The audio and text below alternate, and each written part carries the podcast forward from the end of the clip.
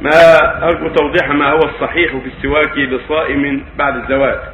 السواك سنة للجميع السواك سنة للصائم وغير الصائم قبل الزوال وبعد. أما قول بعض الفقهاء يكره بعد الزواج فقول ضعيف. النبي صلى الله عليه وسلم قال السواك مطاة للفم مرضاة للرب. فلولا اشق على امتنا أمركم بالسواك مع كل وضوء. وقال عند كل صلاة.